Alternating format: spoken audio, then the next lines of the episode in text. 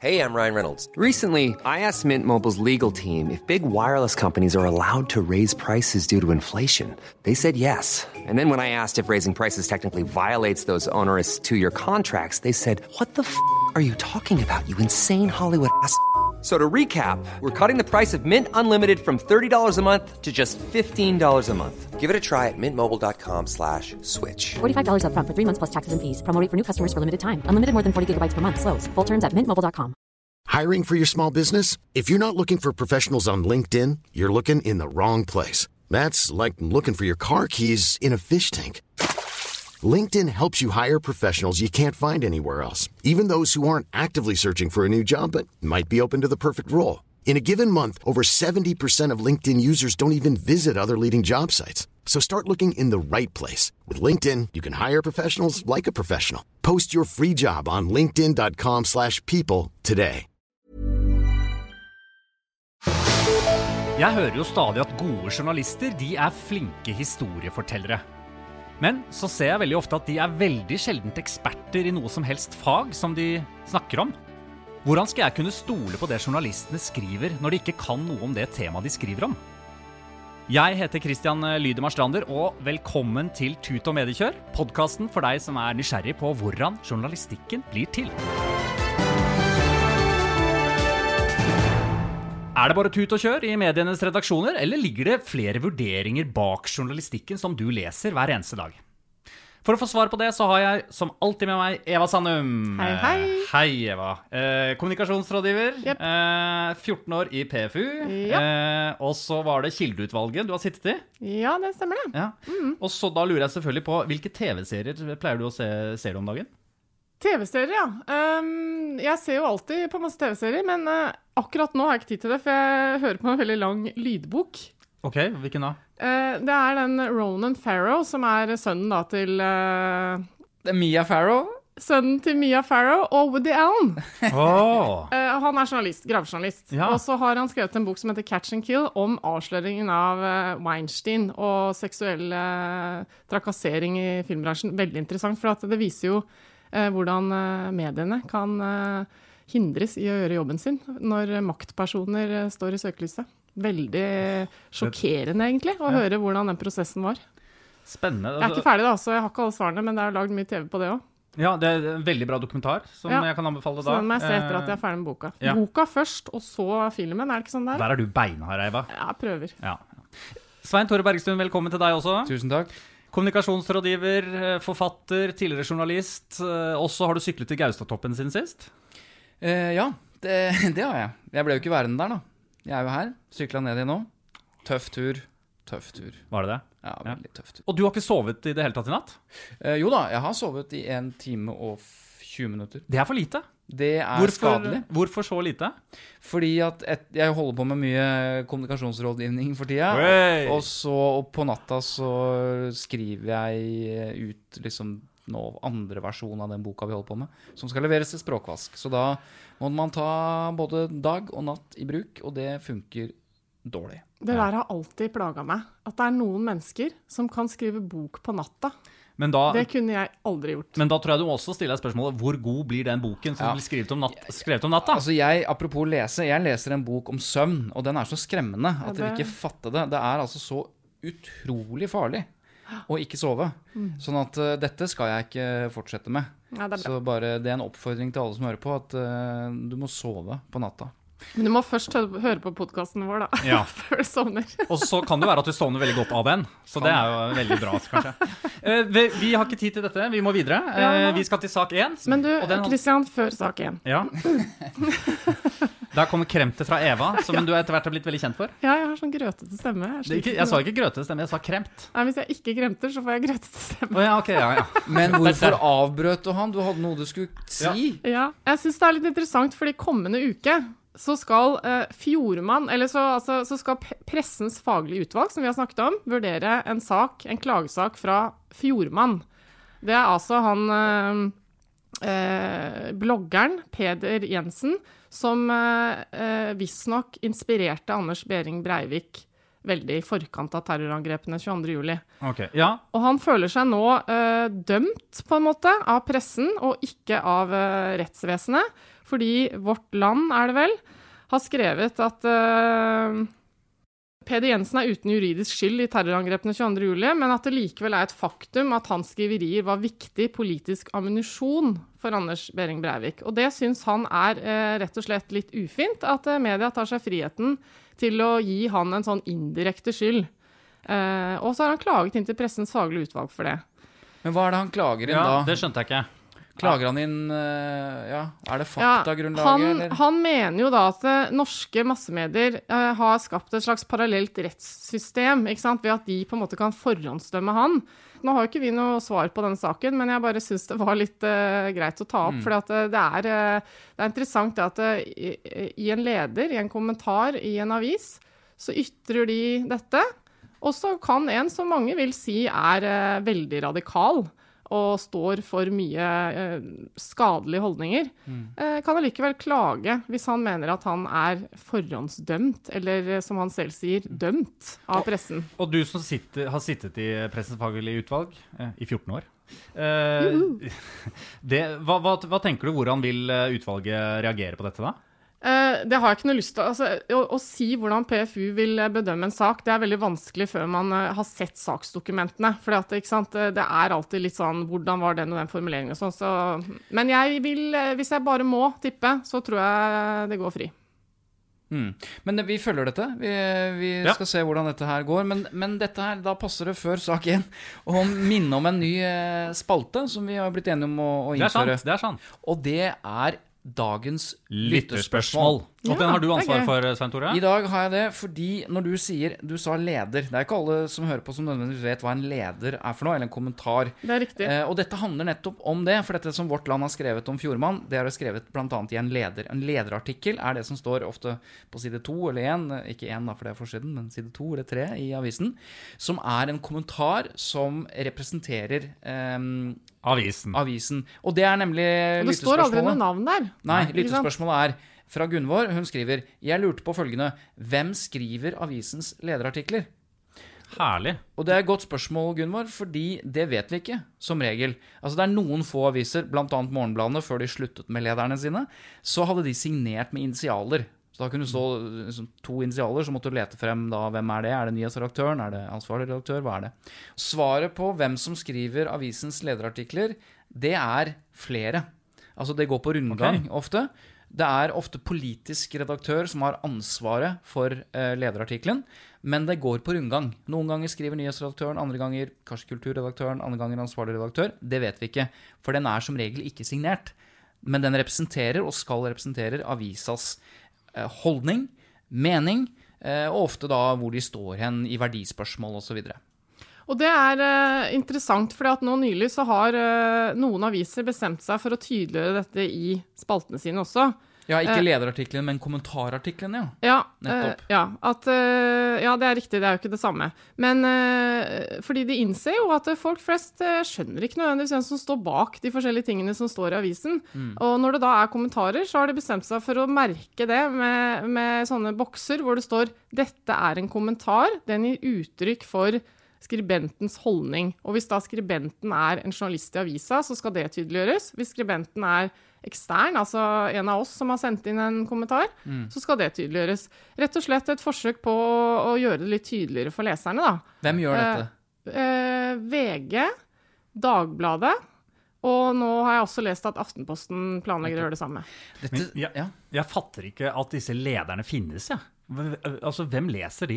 Nei, det Leser har jeg lurt på. Ja, det, Ja. men ikke før i tida. Jeg har begynt litt mer med det. Nei, men Dette er jo en interessant diskusjon, fordi som jeg nettopp sa, Norges eh, eldste riksavis, altså Morgenbladet, de la jo ned lederen sin som fast eh, altså For dette er jo en tvangstrøye for mange. Det, det er jo har du en leder, så skal du stå på trykk hver eneste dag. Ja. Og noen ganger, og det var jo noe av argumentene til Morgenbladet, noen ganger så virker det litt sånn påtatt at man på død og liv skal mene noe om noe. Det er mye bedre å mene noe sterkt når man faktisk mener noe. Så noen ganger er det lederartikler i Morgenbladet nå, andre dager ikke. Men i andre aviser, stort sett, så er det alltid en leder. Og så spør du hvem leser det? Nei, det er jo en del som leser det. Men, eh, men det, er en viktig, eller det er en viktig diskusjon, da. Fordi de som står for lederne, de mener at uten lederne så har ikke avisen noen posisjon.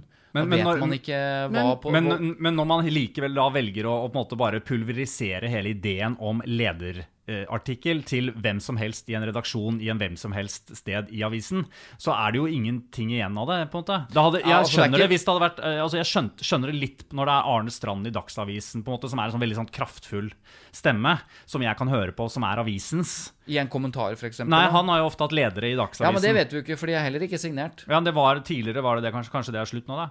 Nei. Nei. Lederartiklene er ikke Ja, signert. jeg liker da det Arne Strand sier, da. Men, men det er jo godt poeng, fordi at eh, det er jo noen som altså, Trygve Hegnar han har jo skrevet, skrevet lederartikler, eh, og, eller han skriver kommentarer, da. Men, men når du vet hvem som skriver de, så er det som du sier, kanskje lettere å forholde seg til eh, enn når det er en sånn ansiktsløs eh, VG-holdning.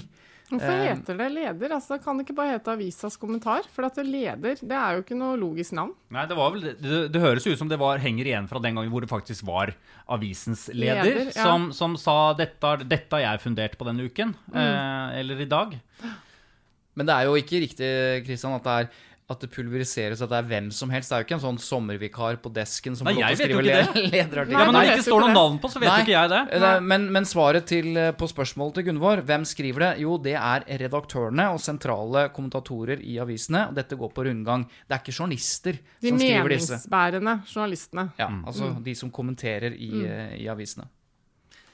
Ok, skal vi gå rett på sak én, da? Da er det vel på tide å gå på Eller sak Eller 1B, som jeg føler nå. eh, fordi det handler om eh, For litt over en uke siden så la NRK ut en sak med følgende overskrift. Følger dere med? Ja. Prøver i hvert fall. Norsk forsker skaper strid om virusets opphav. Dette viruset har ikke en naturlig opprinnelse. Og i denne saken så står det videre Sekvenser i koronavirusets overflate viser at det ikke kommer fra naturen, men trolig er utviklet av kinesiske og amerikanske forskere. Det mener den norske vaksineforskeren Birger Sørensen. Konspirasjonsalarm! Ja, ikke sant? Og det var det jo veldig mange som også tenkte når de leste den. Og flere forskere reagerte og tok avstand fra denne påstanden til denne vaksineforskeren. Og et døgn etter så gikk NRK ut og beklaget fordi de ikke hadde flere relevante kilder med i saken.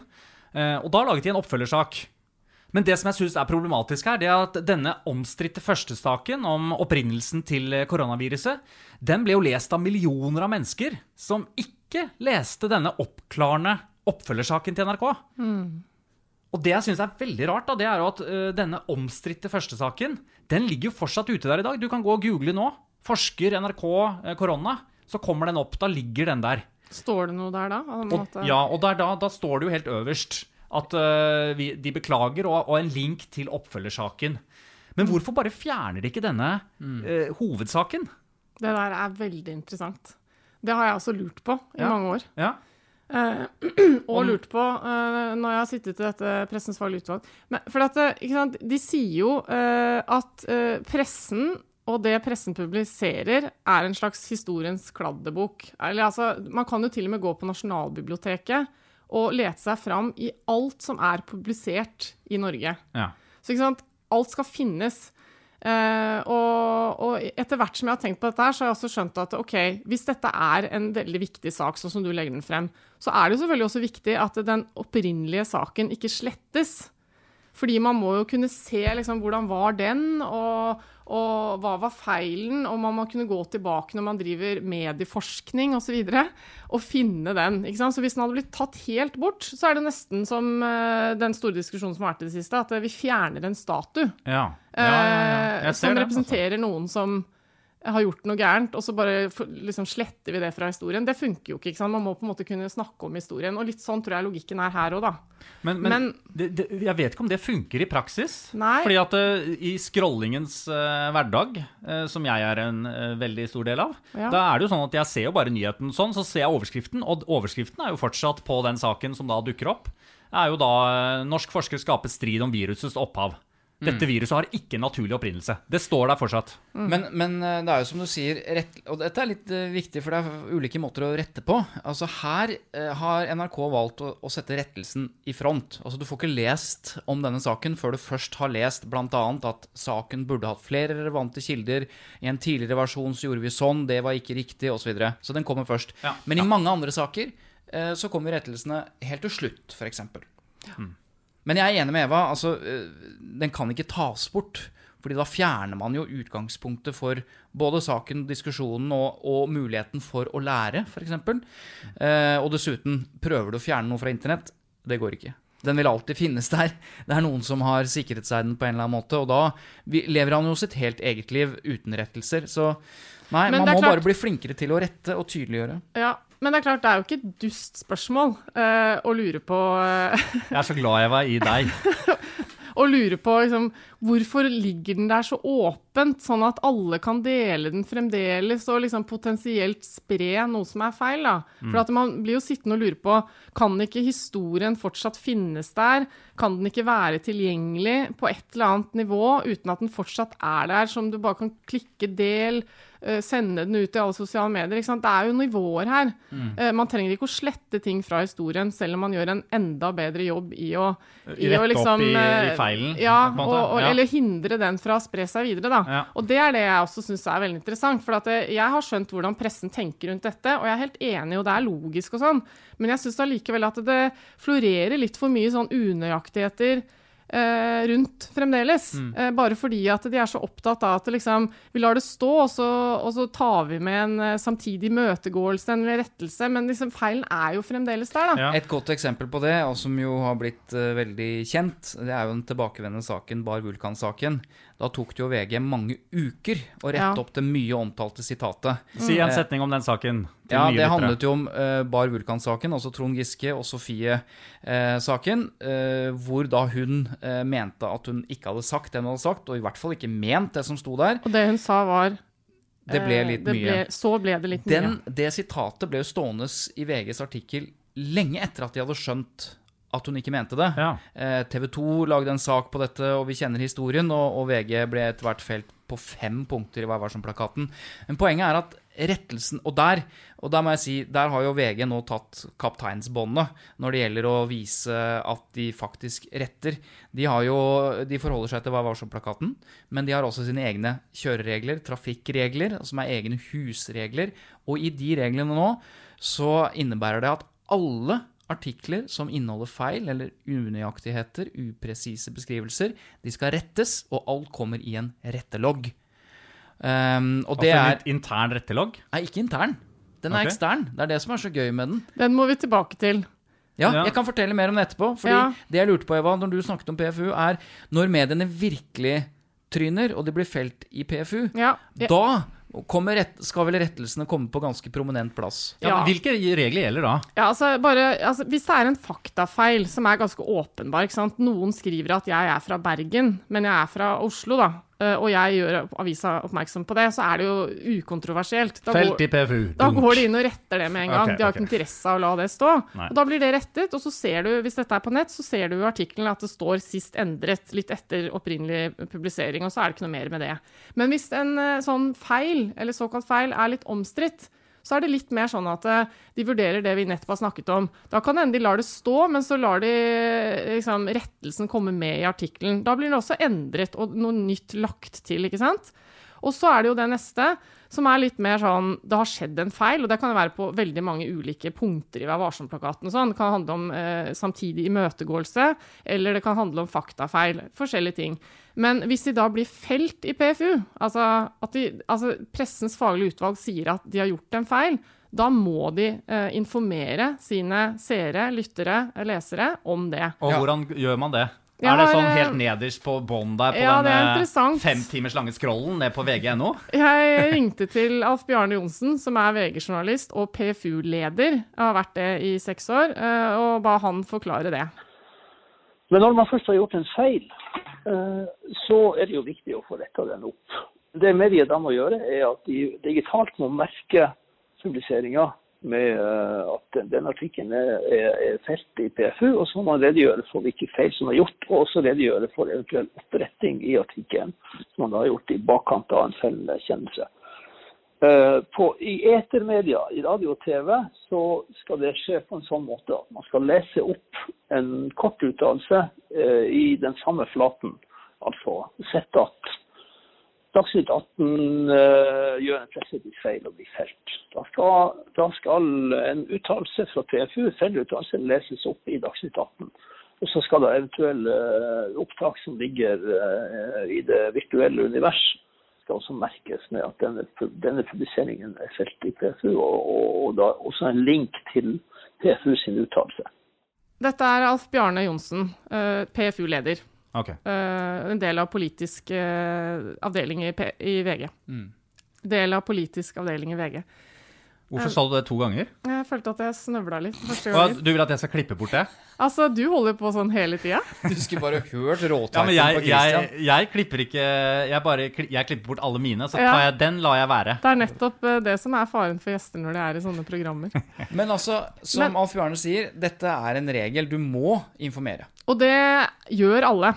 Mm. Vi kan jo høre hva han sa om det, for jeg spurte er det sånn at, folk følger, altså at mediene følger de reglene. Jeg har eh, i hvert fall ikke opplevd at, eh, at noen medier har unnlatt å publisere en fellende fra PFU. Det er de forplikta til etter ordninga. Dette her syns jeg er litt sånn Der syns jeg norsk presse er litt skjønne. Litt søte. For at det- jeg syns det på en måte er sånn derre eh, Straffen virker ikke så, så hard. Eh, og så blir det sånn Men jeg føler virkelig at norsk presse syns dette er veldig, veldig alvorlig. Ja, det er veldig pinlig. Men jeg, jeg klarer ikke helt som eh, når jeg ser noe Vi beklager dette, eller at det står i en avis. Vi beklager at dette og dette skjedde, og i en liten eh, notis i Aftenposten. Eller, eller at eh, Dagsrevyen har det jo noen ganger også sånn vi beklager dette. Jeg bare syns ikke det er noe straff. Nei, men ja, ikke sant? grunnen til at de er opptatt av det, er at de vet at det henger veldig tett sammen med tillit. da. Hvis du over tid stadig vekk ser at de retter opp eh, små og større feil, så skal jo det bidra til at du får tillit til at de er etterrettelige. ikke sant? De er opptatt av å gjøre opp eh, for seg når de har gjort noe feil. Ja. Men du er inne på noe interessant, syns jeg, fordi at eh, jeg har tenkt at når jeg leser PFU-fellelser eller om, informasjon om det i avisene, så er det jo ikke alltid lett å få øye på. Det skal stå omtrent der den saken sto, osv. Mm. Men for etermediene, Ja. etermediene er det altså TV og radio, der får du en veldig eh, stor plass. Der kan du risikere å sitte og se på Dagsrevyen, eller rett før Dagsrevyen, eller rett etterpå. Så kommer ha, de såkalte hallo-folka og sier her har NRK brutt etiske regelverket. ikke sant? Pressens faglige utvalg har felt NRK. Og det sitter liksom 600 000 og bare ser på et menneske som leser opp de feilene. Det er altså så pinlig. Altså, det er jo derfor det er en straff. fordi det blir jo bare liksom en, en plakat som forteller 'her har du driti deg ut'. Og da får du veldig mener jeg, ikke sant, På TV og radio så, så får du en større plass. da. Avisene har muligheten til å nærmest gjemme det mer bort. da. Eh, men, men straff er det, Christian. Det kan jeg love deg. at eh, Som journalist eh, og det å bli- Tidligere. Mm. Det å bli både eller i det hele tatt bare klagd inn, det kan være litt stas, for da viser det at du virkelig har utfordra makta. Men å bli felt, veldig pinlig. Okay, Ja. okay. De, det, de tar det veldig alvorlig. Men i, i, med tanke på det med etermediene, det er litt interessant, for at det er nivåer der òg. Hvis en dokumentar på NRK f.eks. blir felt fordi den som eh, blir utsatt for kritikk, ikke har fått svare for seg da, i dokumentaren, og mener at det er, han blir framstilt feil, så, så må jo, akkurat sånn som Svein Tore forklarer, så må NRK eh, fortelle publikum det. Men de må jo også i nettspilleren eh, legge informasjon før du er i ferd med å klikke på den dokumentaren på NRK TV, og se den, så må de gjøre deg oppmerksom på at i denne dokumentaren så er det en feil som vi har blitt felt i PFU for. Og så er det Neste nivå er jo at de faktisk går inn i dokumentaren og legger en plakat der, eller til og med kanskje reiser til denne personen og intervjuer han så han får svare for seg. Det er litt avhengig av liksom, kontekst og alvor i feilen og sånn. Akkurat det, da. Men det er der jeg også føler at det er sånn Fortsatt er det mulig at feil fortsetter å leve der ute. Hvis ikke de er supernøye med dette. ikke sant? Men det er jo det du nettopp sa, at det er jo det, du syns jo det er bra du, at feilene er der, for da lærer vi av våre feil. Ja, altså, jeg sier at jeg har forstått det. Eh, Hvorfor pressen er opptatt av det. Og jeg er jo enig i at eh, det er et poeng, men da mener jeg at de må være veldig nøye på at overalt hvor det ligger feil, så må det sørges for at leseren blir eksponert for eh, informasjonen om at det er en feil, da. Da ble jeg litt nysgjerrig, bare litt tilbake til det du sa, fordi VG har begynt Ja. Har du sagt, denne retteloggen, som da nettopp gjør det. Ja. Viser hele tiden hvilke feil som gjøres. Det er sånn at hvis VG eh, begår små og store feil og Dette er jo før eh, avisen er klagd inn. Det er ikke sikkert det er grunnlag for å klage inn for PFU, for det kan være mindre feil. Så går de inn og retter. Det kan være fordi de blir gjort ofte oppmerksom på feilen av de som de skriver om. ikke sant? Eh, og da er det en logg. Hvis du går inn på vg.no, som jo millioner av mennesker gjør i løpet av uka Ja, nå gjør jeg det nå. ja, eh, Den er ikke så synlig der. Det Det er- en understatement. ja, den, at den du er finner så den ikke synlig. på forsiden. Nei, for okay, at, nå jeg, må bare jeg få, her, jeg må bare få si en ting her. Dette Ja. er liksom klassisk, syns jeg, da. Når et medie gjør noe veldig bra. Eh, og Som dette er jo Ja, kjempebra. det er veldig bra. Superbra at de kjører på og skriver alle små og store rettelser i en sånn egen logg som du kan sitte og kose deg med. Ja, men sånn, men den er jo helt umulig å finne. Du må gå inn eh, på menylinja, Christian. Ja, ok. Eh, Ikke sant? Du må gå inn på meny. Det er, eh, det er på høy, i høyre hjørne. Meny, ja. Ja, og meny, ja, Og får- nyheter. Da må du gå ned, helt ned der det står 'annet'. Ser du det? Hvem har noen gang Der vært står det der? podkast og trav, hvis du er interessert i trav. Og Ja. så står det, men så står det VG retter. Ah, Så hvis du trykker der, så kommer det en forklaring på hva dette her er for noe, og så kommer de siste rettelsene, og det er mange. Og der ligger før- PFU-fellelser Men også. før du begynner å lese her, så må jeg si at i rettferdighetens navn, den artikkelen som er rettet opp, ikke sant? ja. Mm. Hvis du leser en artikkel, så vil det stå i bånn her, Eh, Også i artikkelen, ja. også i artikkelen, at den er rettet. Så denne retteloggen, det er på en måte summen av det hele. Men den syns jeg er kjempegøy å, å gå inn i, fordi her er det både små, pussige feil, eh, og så er det mer eh, store feil. For eksempel, her er saken. Idol-Tore i kollisjon på oppkjøring. Måtte avbryte. Ikke verdens viktigste sak. Og så står det rettelse. I Det spørs hvem du snakker om. Det er Ja, ja. Idol-Tore, er det kjempeviktig. Ja, det er akkurat det. og så står det 'rettelse'. I første versjon av denne saken sto det at Tore Pedersen er sunnmøring. Det er ikke riktig. Han er nordmøring. Dette ble rettet 13. Juni, nei, 3. juni klokken 23.02. Dette er alvor, altså. altså. Du kaller ikke en sunnmøring for en nordmøring. Det er noe av det verste du kan gjøre. Nettopp. Og så er jeg imponert at de faktisk gjorde den retningen 23.02. Altså, da har de gått eh, på kvelden der. Eller her er en Altså, annen. Dratt på jobben. Frust- på jobben, rettet til sunnmøring, og så Her er en annen. Frustrert DDE-vokalist Bjarne Brøndbo raser mot koronarestriksjoner. Det er saken. Så står det 'rettelse'. Tittelen på denne saken var først 'Frustrert Bjarne Brøndbo varsler musikkdemonstrasjoner'. Så har VG valgt å endre den tittelen, siden Brøndbo i et senere intervju med VG har gitt uttrykk for at det med demonstrasjonene, det var en fleip. Det ble rettet 14.06. klokken 23.20. Altså, Det er på kvelden retningene skjer. Rettingene. Ja, det er kanskje 23.20. Men fra spøk til alvor, eh, det er også viktige ting som, eh, altså, som går litt under radaren. Det, er, det er store faktafeil. F.eks. denne her om regjeringens nye reiseroll for ferien. Det er vi veldig opptatt av. Og da skrev VG først at opphevingen av forbudet mot utenlandsreiser for helsepersonell, som ble kunngjort av regjeringen 7. mai, det skulle gjelde fra 21. mai, skrev VG. Det er feil, skriver de nå. Det riktige er at regjeringen opphevet forbudet 7. mai, mens Helsedirektoratet foreslo at det skulle være 21. mai. Men det ble opphevet samme dag. Altså Her bommer VG på typ 14 dager eh, på når eh, det faktisk var lov for helsepersonell å reise. Det er alvorlig sak. Det ble stående en stund, og så rettet de det. Så det er, denne loggen inneholder både helt tullete, kan man si, eller i hvert fall ubetydelige feil, og ganske alvorlige faktafeil. Men det bra her er at det er mulig å se det, både i artiklene og i denne retteloggen. Men det- Veldig bra initiativ. Men det- og ja, ikke sant? Dere skryter jo veldig av dette initiativet. Men jeg vil jo til, også da si at det, strengt tatt så burde jo ikke det vært noen feil her. Altså, det, Dette er jo ikke noe som eh, det går eh, ikke. Det går ikke? Nei, altså Å ja, du har ikke troen på det perfekte Nei, det går mennesket? ikke. Der går kommer, ikke. der kommer tidspresset for Og- rapporteringen, tror jeg. og- og- Er det en god nok skyld? Unnskyldning? Altså, jeg har ikke tid nok, så da må det bli feil? Nei, men Nei, det er jo det ikke er fordi man ikke. ikke har tid, det er av og til fordi man får feil opplysninger. Jo, men det er jo også noen ganger fordi man ikke tar seg tid. Jo da.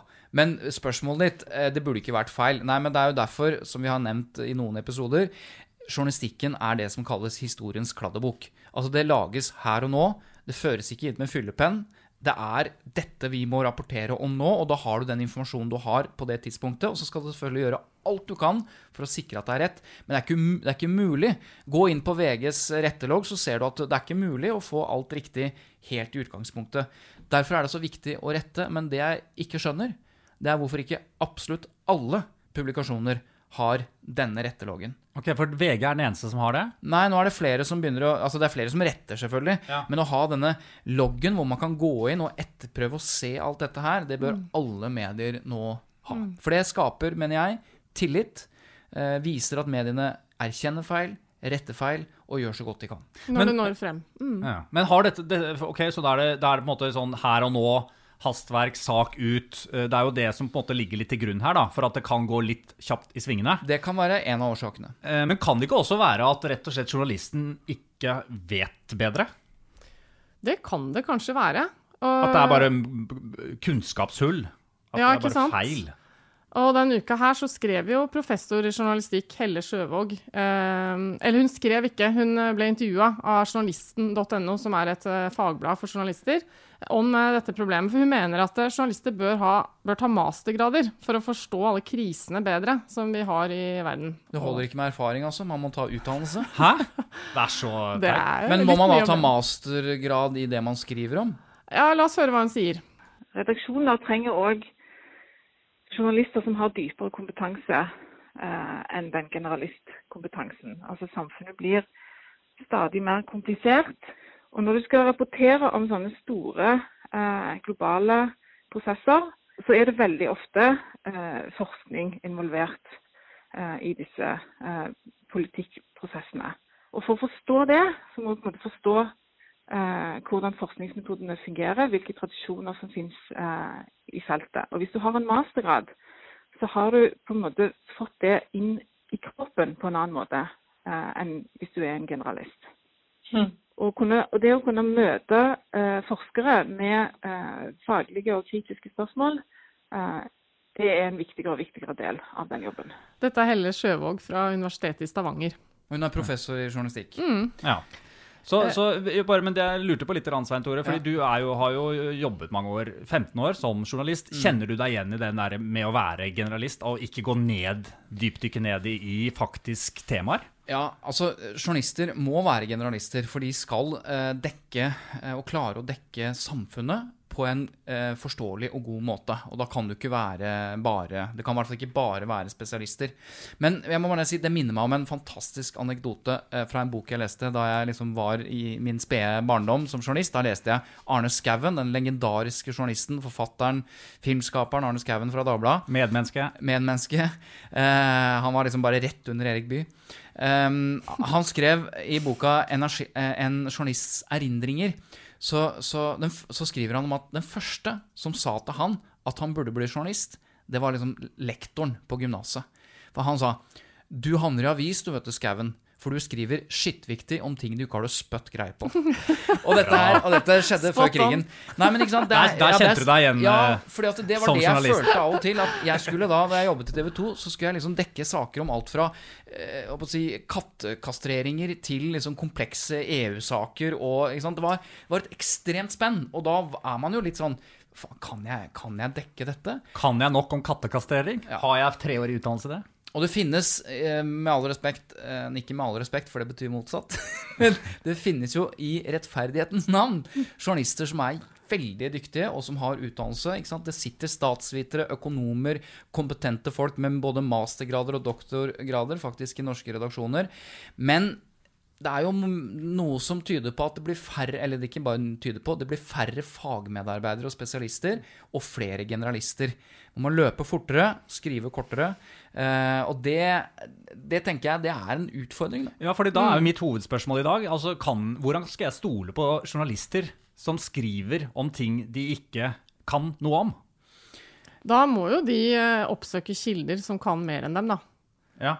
Ikke sant? Men, men det er også som Helle Sjøvåg sier, altså, man skal, en journalist må jo også kunne klare å møte en forsknings, forskningsresultatene på en kritisk måte, Ja. men samtidig også, ikke minst forstå bakgrunnen for hva som er forsket på. Det er akkurat det. La, eh, oss høre med en eh, journalist som faktisk eh, vet hva hun snakker om, og har visst veldig godt hva hun har skrevet om. Anne Hafstad. hun har blitt kalt Norges beste helsejournalist. Hun har jobbet tolv år i Aftenposten, og der vant hun Scoop-prisen både én og to ganger. Eh, og så slutta Både hun. én og to. Ja, Altså, hun først fikk en førsteplass, og så andreplass. Spør meg når hun vant, da. Når vant hun? da? 2001 og 2005. Var det da du ikke vant, og du er bitter, og derfor husker du de årstallene? Jeg har aldri vært i nærheten av Skuprisen, Kristian. Men eh, hun vant prisen. Altså Hun var en veldig veldig dyktig gravende helsejournalist. Så sluttet hun. Og da begynte hun ikke et PR-byrå, som mange andre journalister. Hun begynte som avdelingsdirektør i Helsedirektoratet. Fordi Anne Hafstad er, er ikke bare journalist, eh, hun har doktorgrad i kreftforskning.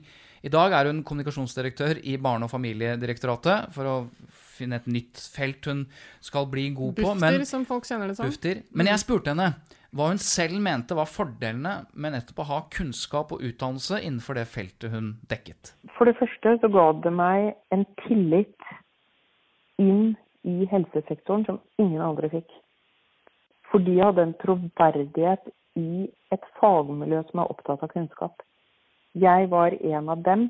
Det ga meg tilgang til saker og en tillit som gjorde at jeg stilte med en forskjell sammenlignet med generalisten. Det andre var at helsefaglig bakgrunn og ikke minst doktorgrad gjorde at jeg hadde et kritisk blikk på alt som ble forsøkt solgt inn til meg. Det handlet om forståelse av tall og fakta. Jeg vet at én en enkelt undersøkelse kan du ikke trekke noen konklusjoner ut fra. Så det ga meg det nødvendige kritiske blikket, og det ga meg den nødvendige innsikten for å kunne få troverdighet ute blant leserne. Jeg syns jo ikke dette var så rart å høre. Fordi det er alltid sikkert det er, det er jo alltid bra å ha kunnskap. Da kan man eh, stille flere og viktige, bedre spørsmål. Men kan jeg forvente at hver journalist skal ha en doktorgrad? Nei, men det er litt sånn som politikere. Altså, Den viktigste politiske stillingen i Norge, bortsett fra statsminister, er statsråd. De, har liksom, de er mekt, mest, de mest mektige politikerne på sitt helsefelt eller eh, oljefelt, eller hva de er, hva slags felt de er på. De kan jo ikke en dritt om det, ofte. Nei. Sånn at Jeg syns jo det også er problematisk. Jo, men sånn må det nesten være. at hvis, hvis vi skal ha politikere som skal representere folk og styre, så kan ikke de være like gode på det de er- har ansvaret for, som byråkratene. Så sånn må det nesten være. Så, så, så det en redaksjon faktisk mangler, er jo byråkratiet. Ja, Som kan kan, som kan gi dem info info og fakta. Nettopp. Og det hadde man oftere før, for byråkratiet besto nettopp av flere som hadde fagkompetanse. Det var øko flere økonomer, flere by eh, byråkrater, flere, eh, flere med utdannelse da, innenfor ulike fagfelt. Mange av de har slutta, og det er jo som i mediene som i alle andre bransjer som sliter. Det skal kuttes. Mange av fagmedarbeiderne de gikk på huet ut, samtidig som korrekturleserne også gikk på huet ut. Ja, det har vi jo merket. Så det er en utfordring, og det, og det spurte jeg også Anne Hafstad om. ikke sant? Fordi hun er også urolig for at det blir færre journalister som har utdannelse og er spesialister, og hun tror det kan gå utover tilliten til mediene. Og så poengterer hun et helt sentralt paradoks. Å, nå gleder jeg meg. Eh, Og for meg er det et paradoks at i et samfunn hvor andelen med høyere utdanning går opp, så burde journalistikken ha den samme ambisjonen om en høyere andel med, med spesifikk kompetanse. Vi lever i en kunnskapsbasert verden. Og da må journalistikken eh, gjenspeile det kanskje noe mer enn jeg opplever at den gjør. Og så er det masse eksempler på knall god journalistikk i dag. Men det er også litt deprimerende mange eksempler på det motsatte. Dette var altså Anne Hafstad, som er mangeårig helsejournalist og har doktorgrad i kreftforskning, og som eh, gikk til Helsedirektoratet og så eh, ja, tok den karrieren.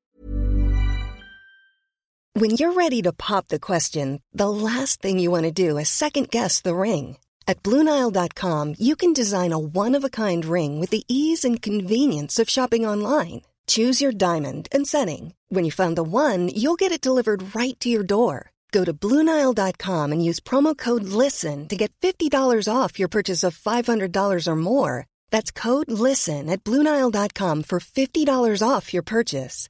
Bluenile.com code LISTEN. Hey, I'm Ryan Reynolds. Recently, I asked Mint Mobile's legal team if big wireless companies are allowed to raise prices due to inflation. They said yes. And then when I asked if raising prices technically violates those onerous two year contracts, they said, What the f are you talking about, you insane Hollywood ass? So to recap, we're cutting the price of Mint Unlimited from $30 a month to just $15 a month. Give it a try at mintmobile.com slash switch. $45 upfront for three months plus taxes and fees. Promo rate for new customers for limited time. Unlimited more than 40 gigabytes per month. Slows. Full terms at mintmobile.com. Hva skal egentlig til for å kalle seg journalist i dag? Ingenting. Ja, Så alle, kan være, alle er journalister, bare de formidler noe? Man kan dele grovt sett yrker opp i to divisjoner. Beskyttet tittel, ubeskyttet tittel. Ja. Du kan ikke gå rundt og kalle deg lege, men du kan gå rundt og kalle deg journalist så mye du bare orker. Ja. Så, så det, da, da, det sier jo også noe på en måte om kompetansen som ligger i ordet, da. Ja, altså, det kan man si. Altså, Men, men så har du jo Journalisthøgskolen, men uh, du trenger jo ikke å gå på den, selvfølgelig. Nei. Det er jo en utdannelse, Ja. eh, og hvis du spør folk i pressen, så vil jo de svare at uh, en journalist er en som jobber i en redi et re- redigert-styrt medium. som jobber i det, ja. som, en som jobber i et redaktørstyrt eh, Det er dumt å kalle seg journalist hvis du ikke jobber som journalist, men poenget mitt er bare du kan da kalle deg frilansjournalist. Og hvis du har fått en sak eller to på trykk, så jobber du som journalist per definisjon. Mm. Poenget er at det er en ubeskytta tittel, og den henger ganske lavt. Er, er ikke det litt skadelig da i forhold til dette som vi nettopp snakker om nå? At, at journalistene At man, det vannes ut litt eh, hva, som, hva det innebærer å være journalist, og dermed så Jo, men det er et større problem, og det mener jeg at du må ha 6,2 i snitt, eller hva pokker det er, for å komme inn på Journalisthøgskolen. Før var det jo sånn at mange kunne bli journalister. De kom nettopp fra andre yrker, de hadde ulik bakgrunn. Noen hadde jobbet med liksom virkelige ting før de begynte som journalist. I dag så er det veldig mange flinkiser som blir journalister, som har kjempegode karakterer, som kommer rett fra utdannelsen, og som ikke har verken erfaring eller det, Kanskje de har en master eller to, men jeg mener det er et vel så stort En problem. master eller to, det er i hvert fall noe. Jo, jo, men det, er, men, det, men det som er poenget mitt, er nettopp at jeg er ikke nødvendigvis enig da med, med Helle og med Anne. At du, at, jo, jeg er enig med dem, men poenget, Ja, er, hvert- er poenget er i hvert fall at det er, en, det er en stor utfordring at du kan bli journalist eh, bare fordi du har veldig gode karakterer gått Journalisthøgskolen. Eh, jeg snakker selvfølgelig for min egen del, for jeg eh, gikk aldri Journalisthøgskolen. Men du trenger en litt mer mangefasettert og mangfoldig eh, liksom gruppe av mennesker som blir journalister. For i bunn og grunn så handler det om å snakke med folk. Ikke sant? Å være nær folk, å forstå folk. Lage saker som befolkningen er opptatt av. Ja. Uh, og det er ikke sånn at du automatisk blir god i det bare fordi du har jævlig bra karakterer. altså. Og det gjelder jo for så vidt flere yrker, men det er en uh, liten greie jeg har tenkt på. i hvert fall. Så det at en journalist er generalist, og i tillegg er god til å snakke med folk og god til å formidle historier videre, det er jo bra. Altså, de skal jo tross alt oversette verden for oss i spaltene. eh, Og klare å å forklare oss ting. Men det er et problem da, når det blir for generelt. Jeg tror det er ganske mange som opplever at det, jeg ble oppringt av en journalist.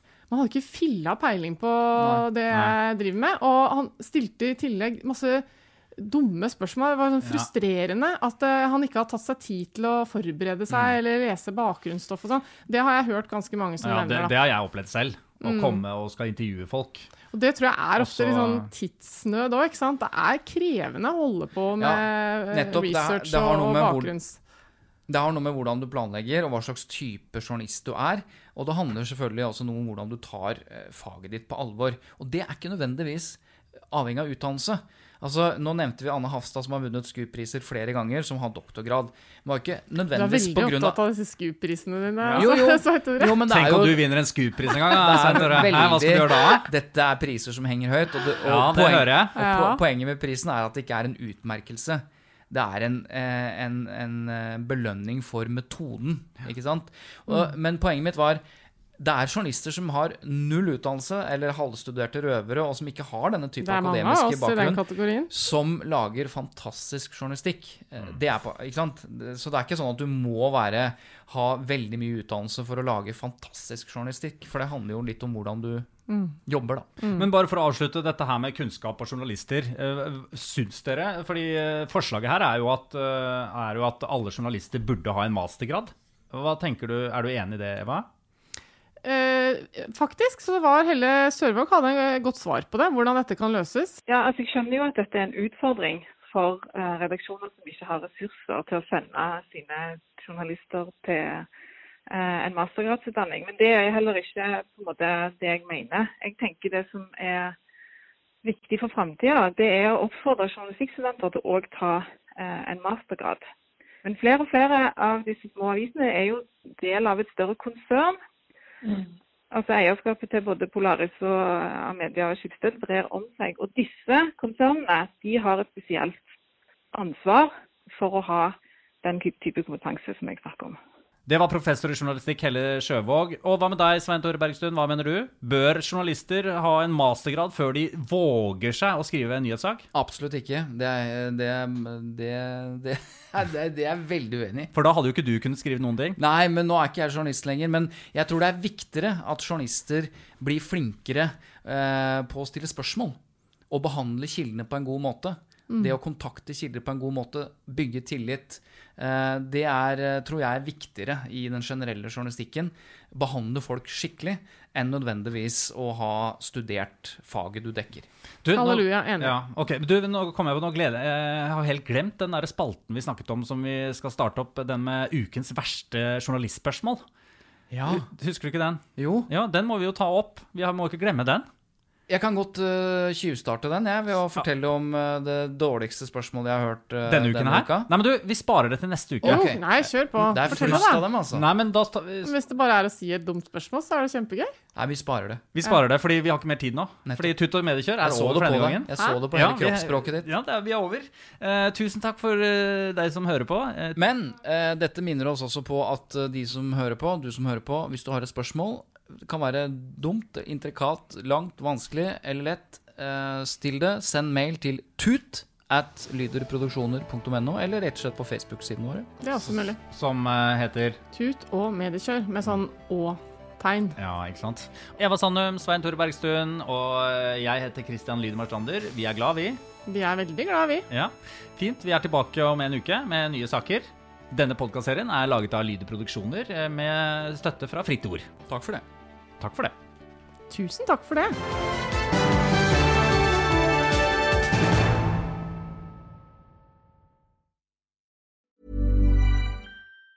Planning for your next trip? Elevate your travel style with Quince. Quince has all the jet setting essentials you'll want for your next getaway, like European linen, premium luggage options, buttery soft Italian leather bags, and so much more. And it's all priced at 50 to 80% less than similar brands. Plus, Quince only works with factories that use safe and ethical manufacturing practices. Pack your bags with high-quality essentials you'll be wearing for vacations to come with Quince. Go to quince.com slash trip for free shipping and 365-day returns. Hi, I'm Daniel, founder of Pretty Litter. Did you know cats tend to hide symptoms of sickness and pain? I learned this the hard way after losing my cat, Gingy. So I created Pretty Litter, a health monitoring litter that helps detect early signs of illness by changing colors, saving you money and potentially your cat's life. Pretty Litter is veterinarian developed, and it's the easiest way to keep tabs on your fur baby's health right at home. Go to prettylitter.com and use code ACAST for 20% off your first order and a free cat toy. Terms and conditions apply. See site for details.